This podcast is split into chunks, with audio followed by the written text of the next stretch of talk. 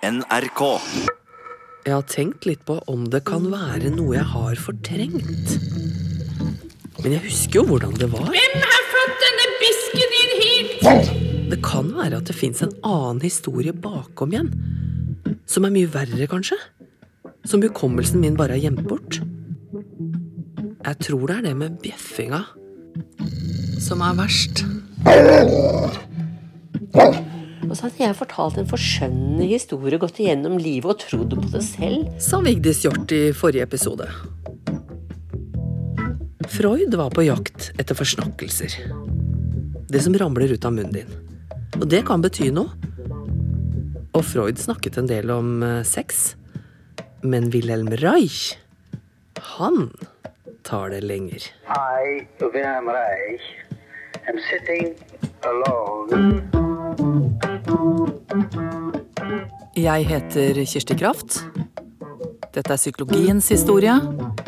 Sånn jeg ser det. Kraft. Kraft. I denne stolen satt Reich den gangen jeg gikk i behandling hos han, og da drev han karakteranalyser, ren karakteranalyser.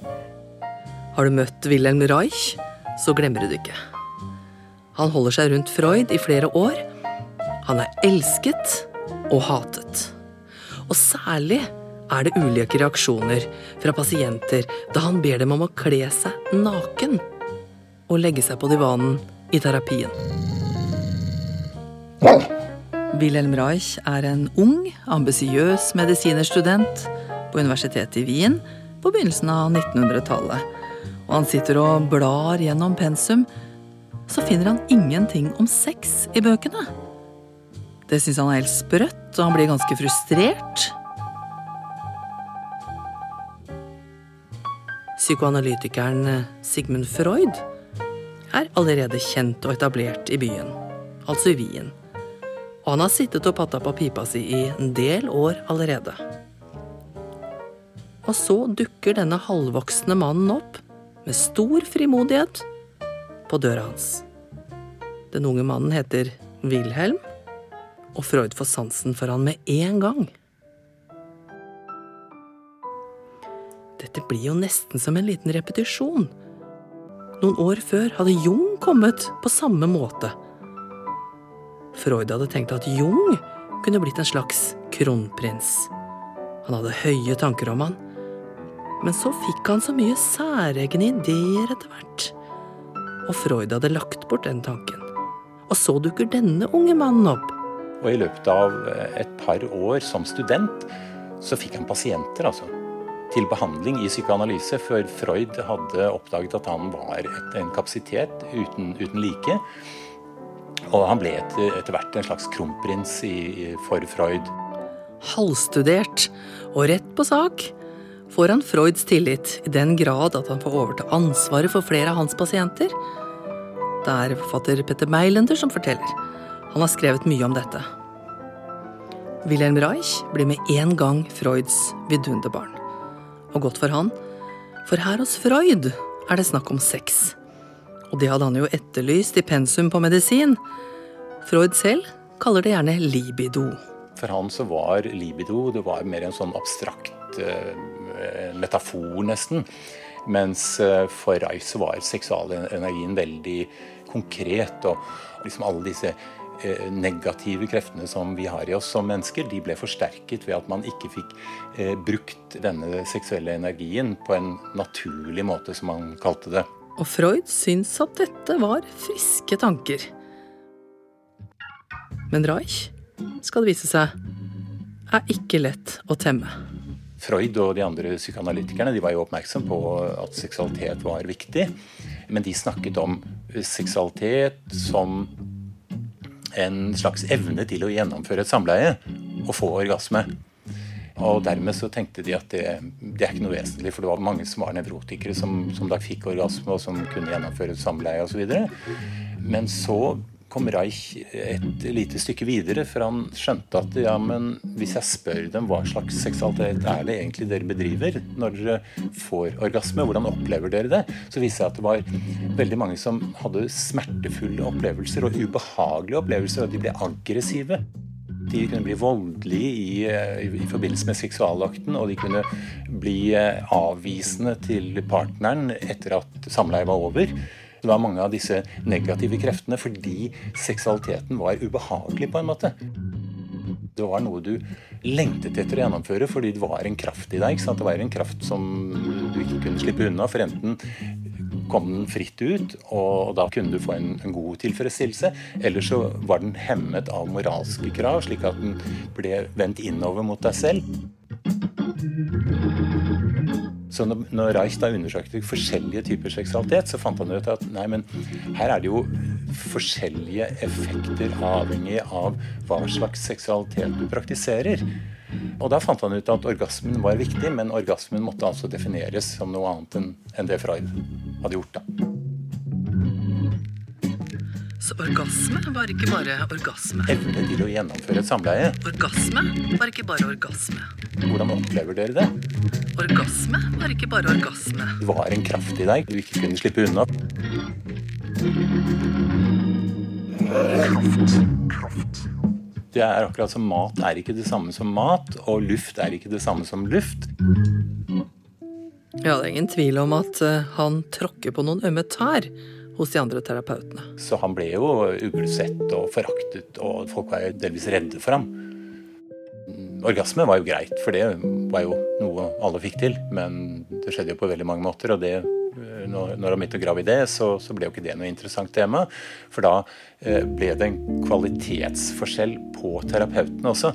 For de som ikke da si, levde opp til Reichs forståelse av hva en, en, en, et godt samleie er, og som kan bidra til å skape frie mennesker og sunne mennesker og mennesker uten nevroser, så følte vel de fleste det som en trussel mot sin egen integritet. Og det var stred imot den religiøse moralen, og den stred imot samfunnsmoralen. Og, og, det som ble oppfattet som seksualitet, det var liksom sånn litt pornografisk og litt sånt som skjedde i skumle bakgater, og når det var dritings, og seksualitet var noe skittent. Og etter hvert så ville jo Reich at de skulle kle helt av seg, sånn at han kunne se hele kroppen når de eh, da skulle fortelle eller vise frem sin personlighet. Og Reich selv er jo et eksempel på at han hadde et seksuelt forhold til flere av sine pasienter. For jeg kikker jo etter helheten, og det ble en sammenheng mellom syke og kropp. slik at du kunne ikke behandle psyken alene. Du måtte behandle psyken sammen med kroppen. For hvis du eh, behandlet psyken, så holdt kroppen igjen. Og når behandlingen var over, da, så ville kroppen etter hvert tvinge psyken tilbake i det gamle mønsteret. På en måte er Reich langt forut for sin tid, men Freud begynner å bli litt betenkt. Det er veldig mye sex med Wilhelm Reich. Den store utfordringen var den påstanden som Reich kom med, nemlig at det finnes ikke en nevrose, det finnes ikke et psykisk problem hvor ikke seksualiteten spiller en vesentlig rolle. Så tenker Wilhelm Reich. Seksualiteten må ikke bare kunne hjelpe det enkelte mennesket. Det må også kunne helbrede hele samfunn. Han blir opptatt av kommunismen og mener at hans teorier bør veves inn i den ideologien.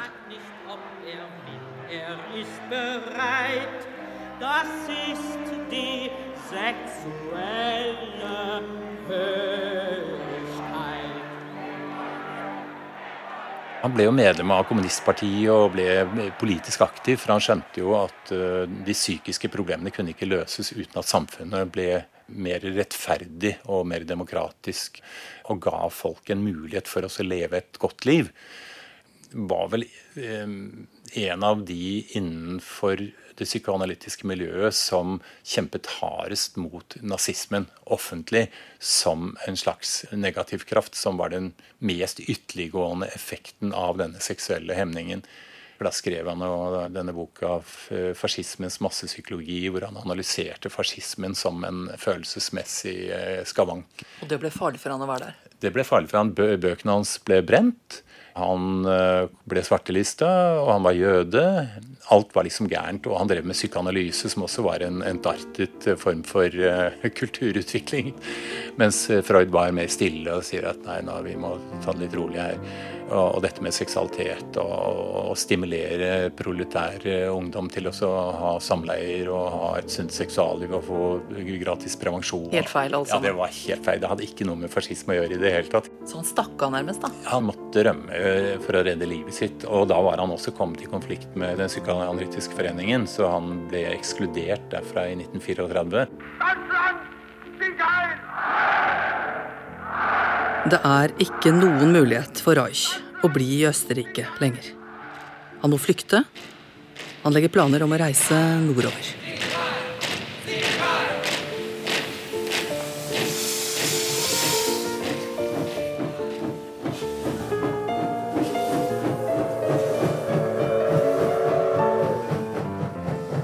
Først reiser han til Danmark.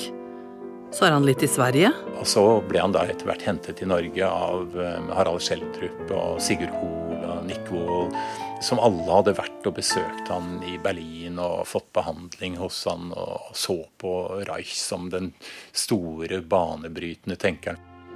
De heier han rett og slett inn i landet. Og i dette miljøet syns de virkelig at de har fått en svær mann til Norge.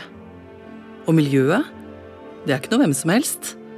Det er Harald Schjelderup, som er den første professoren på Psykologisk institutt på Universitetet i Oslo.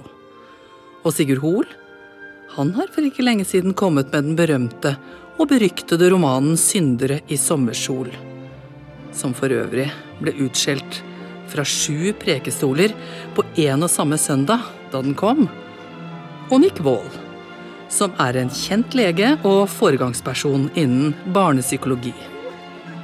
Disse flinke og frisinnede folka er en skikkelig heiagjeng når Reich kommer til Norge. Ja, Reich han, han, var jo en stor stjerne da han kom til Norge høsten 1934. Og da var han jo en kjendis. Altså. Han var jo en, en merkevare av dimensjoner. Fikk jo umiddelbart en stor tilhengerskare. Når han holdt foredrag på universitetet eller Jævland, så var det fulle hus, og, folk kom jo utenlandsfra for å høre han også.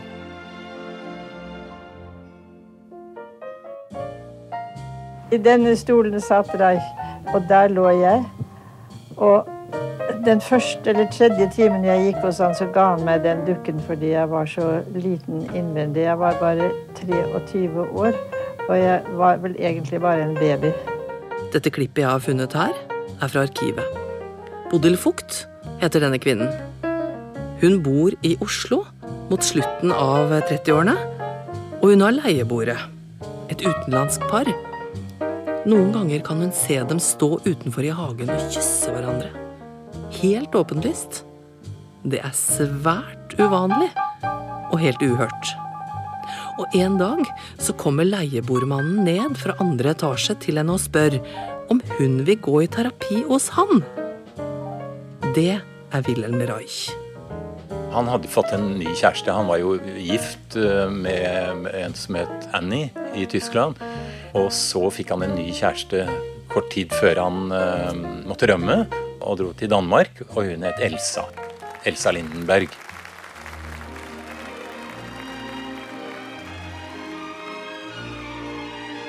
Hun var ballettdanser og var veldig opptatt av det fysiske og liksom kroppens eh, evne til å utfolde seg uten hemninger. Alle var opptatt av denne frie utfoldelsen og hadde moro når de hadde fester. og sånt. Så han kom til et engasjert, hjertelig miljø. De var ideologisk, psykoanalytisk, samfunnsmoralsk helt på bølgelengde. Og det var mye sosial omgang. Det var skiturer, hytteturer, bilturer, badeturer. Og festing. Og festing. Og så dreiv han med terapi på de fleste av disse vennene, ikke sant. Så det var en sammensurium uten like. Og han gir seg ikke. Han vil finne ut av ting. Finnes den seksuelle kraften som han mener kan bidra til å forandre hele verden. Hva er det vi bør gjøre, hvordan virker dette i de sammenhengene? Slik gikk diskusjonen også på laboratoriet som han opprettet, hvor han da skaffet seg masse mus og drev og eksperimenterte for å finne ut hvordan mus reagerte på alt dette her. Og terapitimene hvor både kvinner og menn lå og skrek og gråt når han begynte å manipulere, og han skulle ha de nakne på divanen etter hvert. Så det var intense følelser og en voldsom begeistring. Og dette var innenfor alle vitenskaper, for han beveget seg også fra psykoanalyse til sosiologi. Eh, det var marxisme, og så kom da biologi og forsøk på laboratorier med mikroskoper. Og, så han beveget seg til slutt inn i den totale vitenskapelige arenaen. Det var utrolig produktivt og dynamisk og stimulerende miljø. Wilhelm Reich jobber mer eller mindre hele tiden. Også på fester. Han tålte ikke smalltalk. Du måtte snakke om noe vesentlig hele tiden. Og dans og moro, hvis du utfoldet deg på en fri måte, ikke sant? sånn som Elsa, kjæresten hans, likte, så var jo det bare flott. Men Reich hadde også denne her eh, mørke siden som selvfølgelig alle mennesker som er fremskutte personligheter, de har jo en eller annen eh, grunnleggende personlighetstrekk som kanskje ikke fungerer så bra i alle sammenhenger. Og Reich var jo veldig dominerende. Han kunne være veldig autoritær, han kunne få raseriutbrudd. Han eh, ble lett sjalu. Han kunne få sjalusieksplosjoner hvis det var noen som titta for lenge på Elsa. Og hun hadde jo sin egen karriere, så hun var i teaterkunstmiljøet. ikke sant? Så han kunne komme busende inn der og begynne å hyle og skrike fordi han mistenkte henne for å ha et forhold til de hun øvet med. Så, så, det var både drama og fryd og utvikling, men det var hele tiden så lå det den der lærdomslysten. Vi må finne den positive kraften som kan knuse fascismen. Hvordan er det vi løser hele fascismeknuten? Jo, det er ved å finne ut hvordan menneskene blir lykkelige, slik at de slipper å hate hverandre, slik at de slipper å gå til angrep på slike grupper som jøder eller muslimer eller de andre, ikke sant. Og han viker ikke. Svaret er hele tiden orgasmen og livsenergien. Og så begynte han å forske på biologiske prosesser, for han lurte på hva er egentlig seksualitet? Hva er egentlig liv? Hvor kommer dette livet fra? Kan vi måle seksualitet? Og her begynner det å skurre. For nå begynner biologer og andre framstående norske vitenskapsmenn å blande seg. For de mener at nå, nå får han gi seg. Nå har han bevega seg langt utover det han har greie på. Ja, altså han, han ble eh, latterliggjort, og etter hvert så hang jo mediene seg på. Så ble dette for mye, og det var særlig hans biologiske eksperimenter, hvor han da mente han oppdaget hvordan liv ble til. En tenkning som rett og slett ville kullkaste de vitenskapelige grunnprinsippene som hele den vestlige akademiske tradisjonen hvilte på. Og hvis dette var i dag, ville kanskje folk tenkt at nå har han tatt et par skjeer for mye Møllers tran. Eller rett og slett, han har tatt hele flaska på styrten. Han er nå i ferd med å tenke seg fram til et skap. Et orgonskap vil han bygge. Et lite rom som man kan gå inn i og hente orgon, den universelle livsenergien. Og nå begynte det å hagle beskyldninger, både herfra og derfra. Svarte ikke på alle disse beskyldningene. Men han skrev masse i dagbøkene sine, og han snakket masse med venner om det. Og etter hvert så var det enkelte venner som trakk seg litt unna. Han har det ikke godt. Det er tydelig å se for alle rundt han. Selv for kjæresten hans, Elsa Lindenberg, blir det for mye. Og det sier hun rett ut her. Han kunne aldri tåle uh, fornedrelse. Verken for seg selv eller andre. Da slåss han som vilt hele sitt liv, selv i nedgangsperiodene. Hun er ganske fortvilt, og i 1939 føler Wilhelm Reich seg ferdig med Norge. Han flytter til USA. Frustrert og fortvilet, og eh, han eh, ble jo også mer dømmende overfor de som trakk seg unna, som ikke ville være med inn i det biologiske. Og dette ble jo veldig veldig synlig etter at han flyttet fra Norge og i USA da utviklet denne eh, orgonteorien. Da mistet han jo så å si alle sine gamle venner.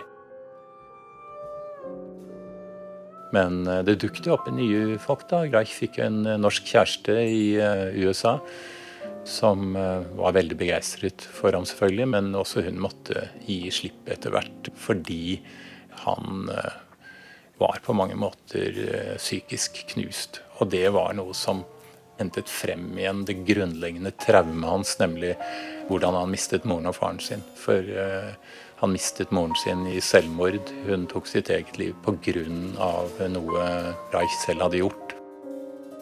Han hadde røpet for faren at hun hadde et forhold til eh, huslæreren som de hadde. Og eh, etter at hun hadde tatt sitt eget liv, så ble faren så fortvilt at han også etter hvert tok sitt liv. Så han mistet både moren og faren sin pga. en avsløring om et seksuelt forhold. Dette har Reich gått og båret på hele livet. Og nå kommer det tydeligere fram for han. Han satte jo etter hvert nærmest likhetspunkt mellom frihet, liv og orgontenkningen. Det var liksom tre sider av den, det samme. Reich følte seg veldig ensom i USA. Han uh, utviklet orgonteorien på en slik måte at uh, amerikanske myndigheter interesserte seg for det. Og han ble da dømt for kvakksalveri. Og uh, bøkene hans ble brent i USA også. Slik at han endte opp som den korsfestede, og han sammenlignet seg selv med Jesus. Og en av hans uh, mest kjente bøker i den senere tiden, det er jo 'The Murder of Christ'. Jeg har funnet et gammelt opptak fra 3. april 1952. Og det er Wilhelm Reich som sitter i kjelleren sin etter at han har hatt et besøk i huset sitt i Maine. Han sitter med sin egen spolebåndopptaker og snakker inn i mikrofonen.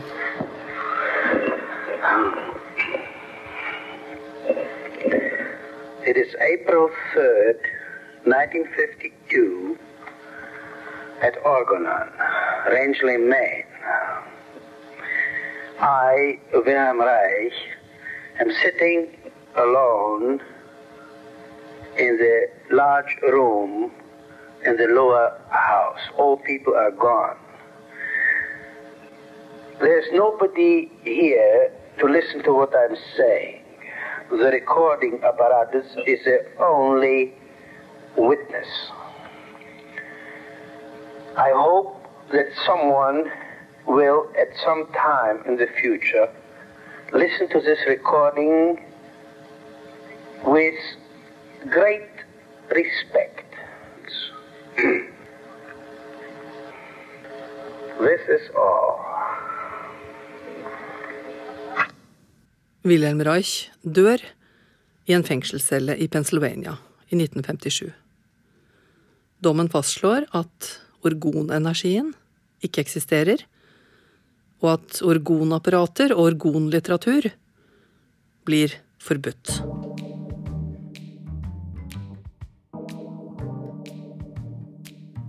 Ved en tilfeldighet får jeg vite at det fins et originalt orgonskap bare fire-fem kilometer unna der jeg holder til.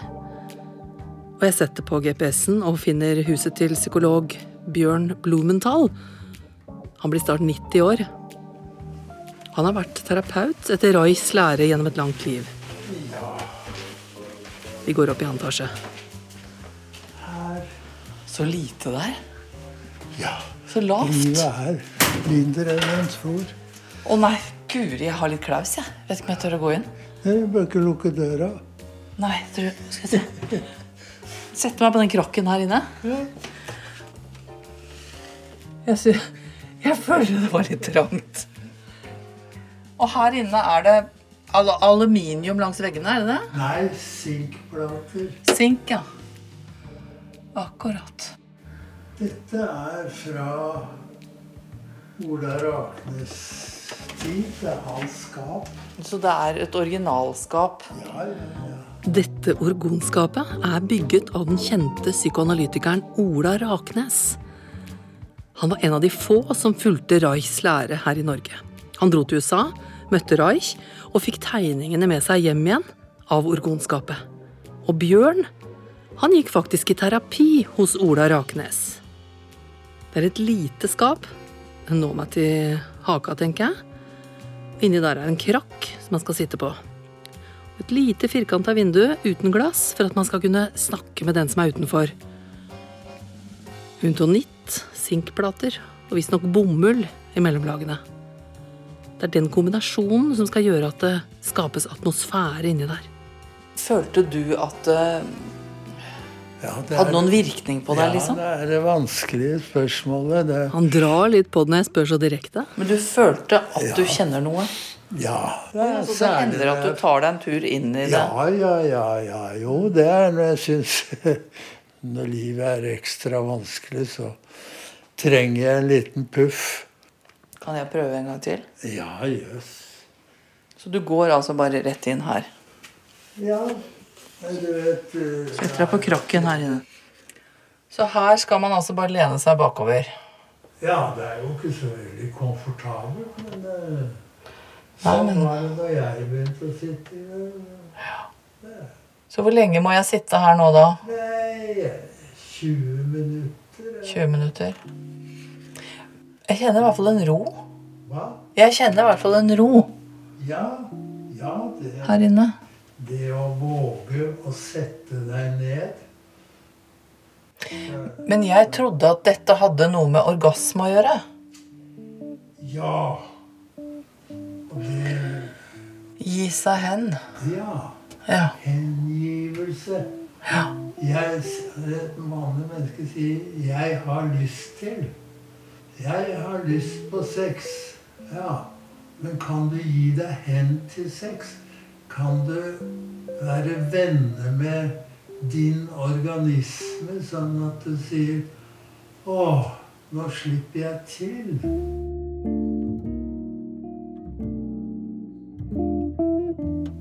Det er en slags sånn intenshet her inne.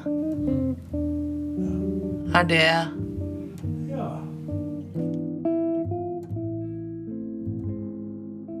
Mye, mye latterliggjøringen av, av Reich gikk jo ut på at de kalte dette skapet for sånn nærmest sånn sexinstrument. At det liksom, du satt der, så ble du veldig seksuelt opphisset. Men det er en misforståelse av denne organiske stimuleringen. Altså det å kjenne mer liv er ikke nødvendigvis at du blir kåtere, men eh, en mer sterkere følelsen av å være til. Da. Jeg gjør et lite søk på mobilen etter at jeg har dratt fra Bjørn. Og blir ganske overraska. Jeg finner en liste over 28 butikker og nettsteder bare i staten Michigan i USA. Hvor det går an å få tak i ulike orgonprodukter. Akkurat skap får jeg ikke helt med meg om finnes. Men det er mye annet rart her. Jeg er på vei tilbake til min nye venn og psykologiprofessor Jan Smetsli. Han er 90 år og bor i et rødt hus i utkanten av Oslo. Du husker kanskje inn og så Vil du sitte der hvor du satt sist? Ja. Jeg har lyst til å spørre han om dette miljøet rundt Wilhelm Reich. Jeg skjønner jo at han ikke har noen mulighet til å ha møtt Wilhelm Reich, for det er for lenge siden. Men kanskje han vet noe om miljøet rundt? De som fikk han til Norge, og som heiet han inn. Jan var jo en ung mann på slutten av 40-tallet. Ja, på Nick Walls institutt i Den blå huset i Munkedamsveien, så var det et veldig, veldig frigjort miljø. Og de, de var Og jeg husker store fester på Nick Walls institutt hvor det ble servert sånn legesprit og appelsinsaft i store krukker. Idealet var å frigjøre seg. Husker jeg satt i trappa i Munkedamsveien, var litt slått ut. Så kjente jeg at jeg ble klort i fjeset. Det sto en dame bak meg, jeg kjente ikke henne så godt. Hun klorte meg i fjeset. Og sa verden, hva er det du gjør? Hvorfor gjør du det? For du er mann, sa hun. det var Vi skulle prøve, slippe til å få frem det fortrengte som Freud snakket om. Ulovlige følelser og Alt. Ja, det skulle ut. I neste episode skal det handle om de som ble drittlei alt snakket om det ubevisste. Og all sjelegranskningen på divanen.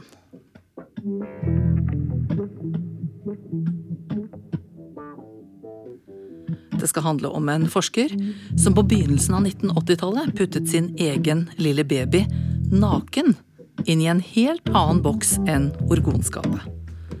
En boks han hadde snekra sjøl, og det ble det ganske mye bråk om. Ved en, en anledning så var han stille i tre minutter. Og da måtte jeg kikke om han var dau. Du har hørt eh, andre episode i kraftserien Psykologiens historie. Lyddesigner Hilde Rolfsnes. Musikkresearch Kari Jacobsen. Fagkonsulent Ole Jakob Madsen. Prosjektleder Hege Haug Omre, og mitt navn er Kirsti Kraft.